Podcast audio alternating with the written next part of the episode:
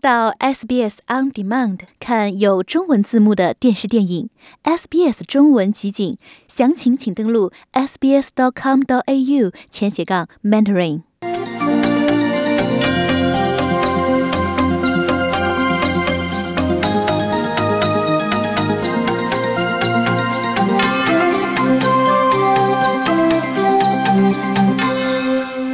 听众朋友，大家上午好，欢迎您收听今天的现场说法听众热线节目，我是曲胜男。我们今天的节目呢，来关注一下工作权益的话题。呃，任何劳动呢，都值得认可、尊重和保护。那正式入职前的试用、实习和志愿工作也是如此。那试用可以试多久？实习必须是免费的吗？志愿工作中出了事故，谁来负责？那我们今天上午节目呢，依然请到的是来自澳大利亚呃 Oslo Partners 奥和绿业管理合伙人林慧明律师。为大家现场解答提问。上午好，林律师。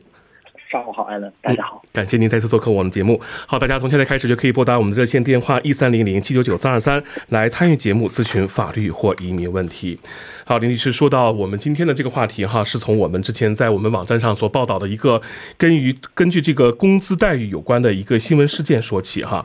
呃，那说到在去年十月份的时候呢，刚刚毕业的 Jane 呢是在某网站上看到一家墨尔本本地会计事务所的招聘广告，那通过呢与这个会计事务所的老板哈在微信上。的沟通之后呢，他就开始了他毕业之后的第一份会计助理的工作。那么从二零二零年十月二十六号的呃到十二月十一号，将近三个月的时间里呢，每个周一到周五呢，，Jane 是从早上十点一直工作到下午六点，和全职的工这个员工一样，而且呢还不能够准时下班，也是一种常态。甚至有时候在周末哈也有工作的内容。那本着这个初入职场哈多学习的这种心态，这呢也接受了老板最开始提出的各种无薪的。要求哈，就是没有薪水。那但是说好的三个月无薪试用期结束之后呢，这个转正啊却变得遥遥无期，也让 Jane 呢是萌生了退意。那么在离职之前呢，他想要老板呢要讨回自己哈这个十月底到十二月的这段时间的工资。那等到的回答却是呢，哎，只有转证才有工钱可以拿。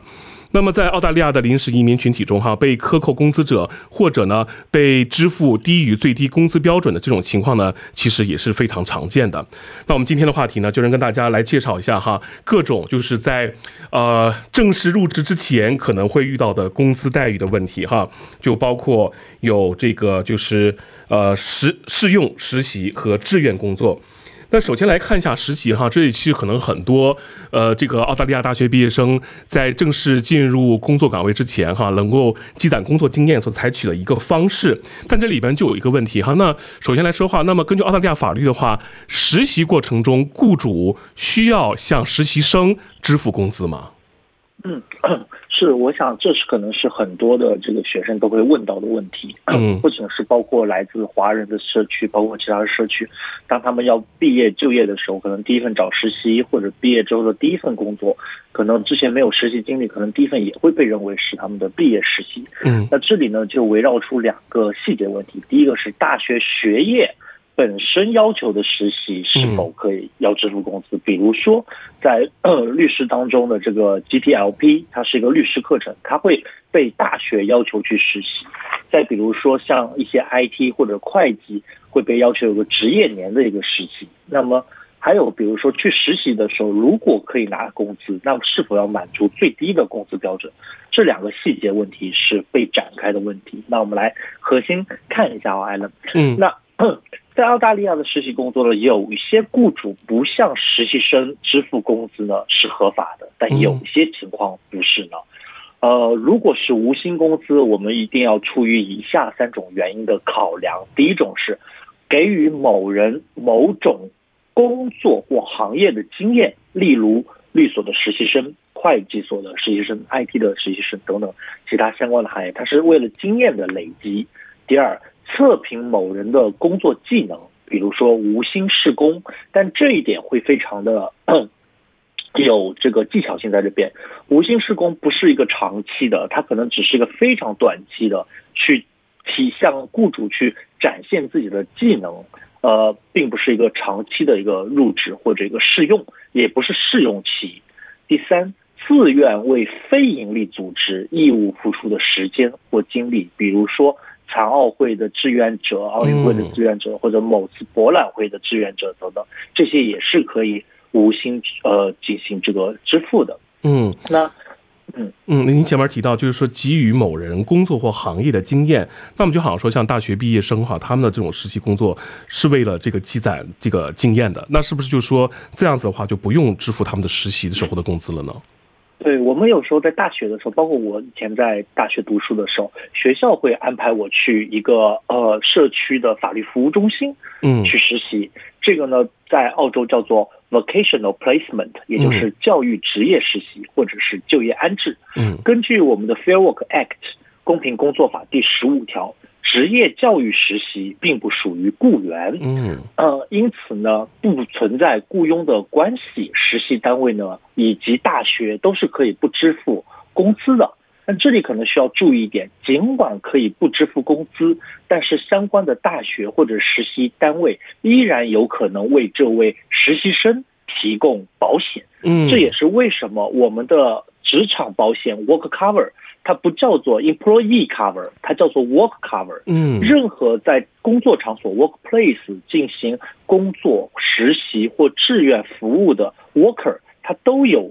权利要求这个雇主为他们去买这个保险。所以这也是 work cover 为什么不叫 employee cover 的一个原因，有意思的点。那么我们如何去判断无薪？职业实习是否合法呢？有以下四个点啊。第一是必须要有个实习安排，可以通过教育机构或者学生根据自己的课程来去寻找啊。第二呢，学生对自己的实习工作没有明确要求要雇主支付薪资。第三，实习的安排是作为必须作为教育或者课程培训当中的必须组成部分。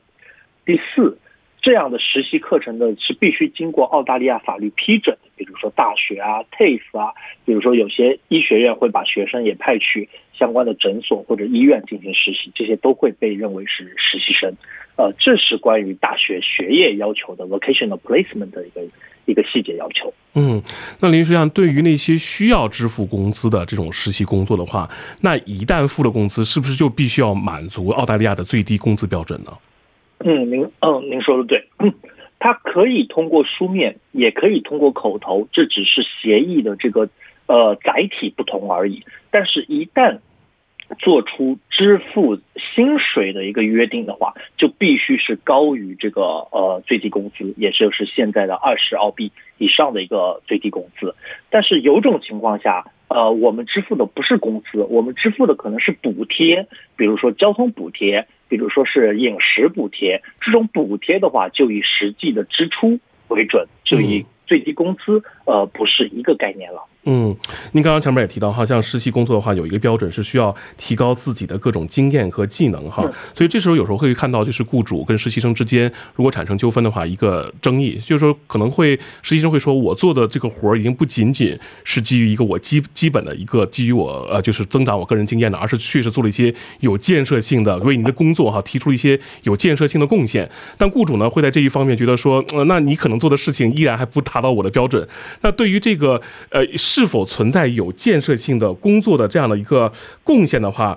那是不是可以作为雇主来决定是否要支付实习生工资的一个标准呢？嗯，是的，艾伦，这是一个很重要的一个判断标准。我们举个例子，比如说我们以这个厨厨师为例，嗯，那有一些厨师，比如说小厨，一开始是帮手，到了后面他其实已经可以自己直接炒大菜了，对大菜，嗯，不需要大厨的任何的加工，他直接能给客户去呈现了。呃，这样的菜品，再比如说有些呃简单的一些这个会计作业，可能简单的报税，有些会计助理已经可以独立完成了，并且这样独立的完成作业是直接可以向客户客户去收取服务费用的。嗯，这个时候往往会被认为是有建设性且有生产性的。嗯，这时候可能雇主与这个实习生当中就会有矛盾，实习生认为，哎，我的作业已经不需要去修改了，已经可以从一个实习的作业成为一个公司的作品向客户支取这个收取相关的服务费了，我是否应该拿到报酬了？这时候矛盾是可能就来了。那因此呢，我们通过四以下四个问题来判断是否是有具有生产性或是否应该进入雇佣关系。第一，工作安排的性质和目的什么？我们回到一开始您介绍的那位呃会计助理的案件当中，像他的工作性质跟目的，其实他将近三个月都是十点到六点，像全职员工，然后也会有周末的工作啊，嗯，然后工作安排。第二点，工作安排持续多长时间？其实他已经相当于是一个 full time 了。呃，第三点，工作安排对该企业有多重要？那。呃，像刚才提到那位 Jane，她其实一个相对长期的一个工作，三个月，并且是 full time 的，并且周末还会加班，可能她的一些工作的作业来说，已经是个公司的一个产品了，嗯，也扮演着越来越重重要的一个角色。第四点，我们要看这位实习生他的职责是什么。如果 Jane 在工作单位的职责可能已经是一个相对独立的一个呃作业，对于客户可以直接交付的话。那这种情况下，如果四个点都满足的话，他其实可以向雇主去要求相关的呃这个最低工资或者是合法权益，呃，尽管可能是 casual 的临时员工，也可以去主张这样的最低的这个工资待遇了。这也是为什么这起案件呃受到了这么多的关注，正是因为相关的实习生他已经发挥了越来越重要的直接的作用，呃，并且呢有这个。建设性的产出，因此引起了是否要呃是员工而不是实习生这么一个法律上的讨论。好的，律师，那说回到今天的话题哈，就前面也提到了这个实习工作哈，付不付工资是情况而定，但是在这里边嘛，毕竟还有像如果要是一个学生来实习的话，呃，可能在工作过程中会出现一些风险或者安全隐患。那在这个时候的话，这个实习生本人、呃校方还有雇主各呃他们这三方各需要承担一些什么样的责任呢？嗯。好谢谢样的问题，这个问题也是一个非常呃主流常问的一个高频问题。那对于我们举例来说，对于学学生的个人主要的责任有啊，第一，他在实习期间不能妨碍或者干扰雇主的这个运营；第二，他要遵守雇主的相关规定，特别是保密信息，例如会计所啊、律所，它其实有大量的客户的信息，甚至有呃举个例子，甚至有这个实习生自己同学的这个信息。此类的信息其实都是保密的。严格意义上讲，还要做一些可能职业上文档的一些隔阂。在如果明知道这个实习生认识或者有利益冲突的案件，必须得做好这个隔阂。这个在律所工作当中叫做 Chinese Wall。那么第三点叫做这个按照要求准时时参加实习工作。四完成相关任务安排并完成汇报等等，这是学生个个人的主要的责责任。对于校方呢，他的责任主要是为学生去提供相关的实习单位信息，跟进学生的实习情况，为学生去实习的单位的这个安全做一定的相关的这个保障。呃，对于雇主呢，他一要为实实习生提供相应的学习机会；二向校方反馈学生的表现；三也是要为学生提供。的一个工作场所，这个工作场所是呃呃安全的、健康的，没有其他的呃骚扰或者干扰的之类的。这是在一个学生实习、就业学业实习当中三方的一个主要的职责。嗯，如果这个实习要求不是这个学业要求，哈，这样里边就可能就去除了校方这一方。那如果没有校方的话，那么在个人需要哈去实习的话，那这个呃就是这双方哈个人和雇主之间各需要承担一些什么样的责任呢？对，如果是呃，我们去除到校方的话，那其实，在个人责任上面，一方面，呃，实习生要完成相关工作；，一方面，雇主有呃义务要去给予相关的经验以及学习机会之外，其实我觉得最最核心以及最需要注意的，还是跟保险。有关，特别是无薪实习，一般是由雇主来购买保险的。但根根据呃二一财年最新的规定，聘用无薪的实习生将不收取预付的保险费。但从七月一号开始呢，无薪实习生也是可以获得工伤赔偿的。想听到更多这样的故事吗？您可以通过苹果播客、谷歌播客、Spotify 或者您喜爱的方式下载收听。